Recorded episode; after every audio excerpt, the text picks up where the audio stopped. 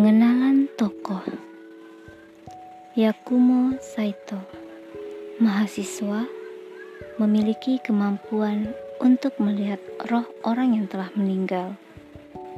Haruka Ozawa, mahasiswi yang satu universitas dengan Yakumo, menyukai Yakumo. Kazutoshi Goto, detektif polisi, sudah mengenal Yakumo sejak lama Yutaro Ishii detektif polisi yang menghormati Goto sering terjatuh. Di dalam area kuil itu berdiri sebuah pohon cedar. Kabarnya, pohon tersebut berusia seribu tahun dan memiliki sebuah legenda. Dahulu kala, ada seorang gadis dari keluarga petani yang jatuh cinta kepada seorang pria dari keluarga samurai.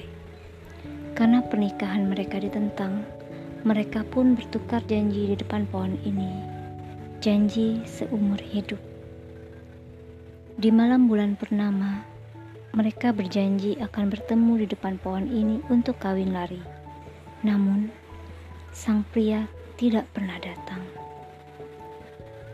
Ternyata, pria dari keluarga samurai itu sudah memiliki istri. Dia hanya menganggap si gadis sebagai sebuah permainan. Si gadis yang tetap menunggu di bawah pohon tempat mereka berjanji, setelah lewat tiga hari tiga malam, mengikatkan tali pada dahan pohon dan menggantung dirinya. Tidak lama kemudian, pria dari keluarga samurai tersebut juga meninggal karena penyakit yang tidak diketahui. Sejak saat itu, tersebar rumor bahwa Siapa pun yang berbohong di depan pohon ini akan dikutuk. Orang-orang lalu menyebut pohon cedar itu sebagai pohon kebohongan.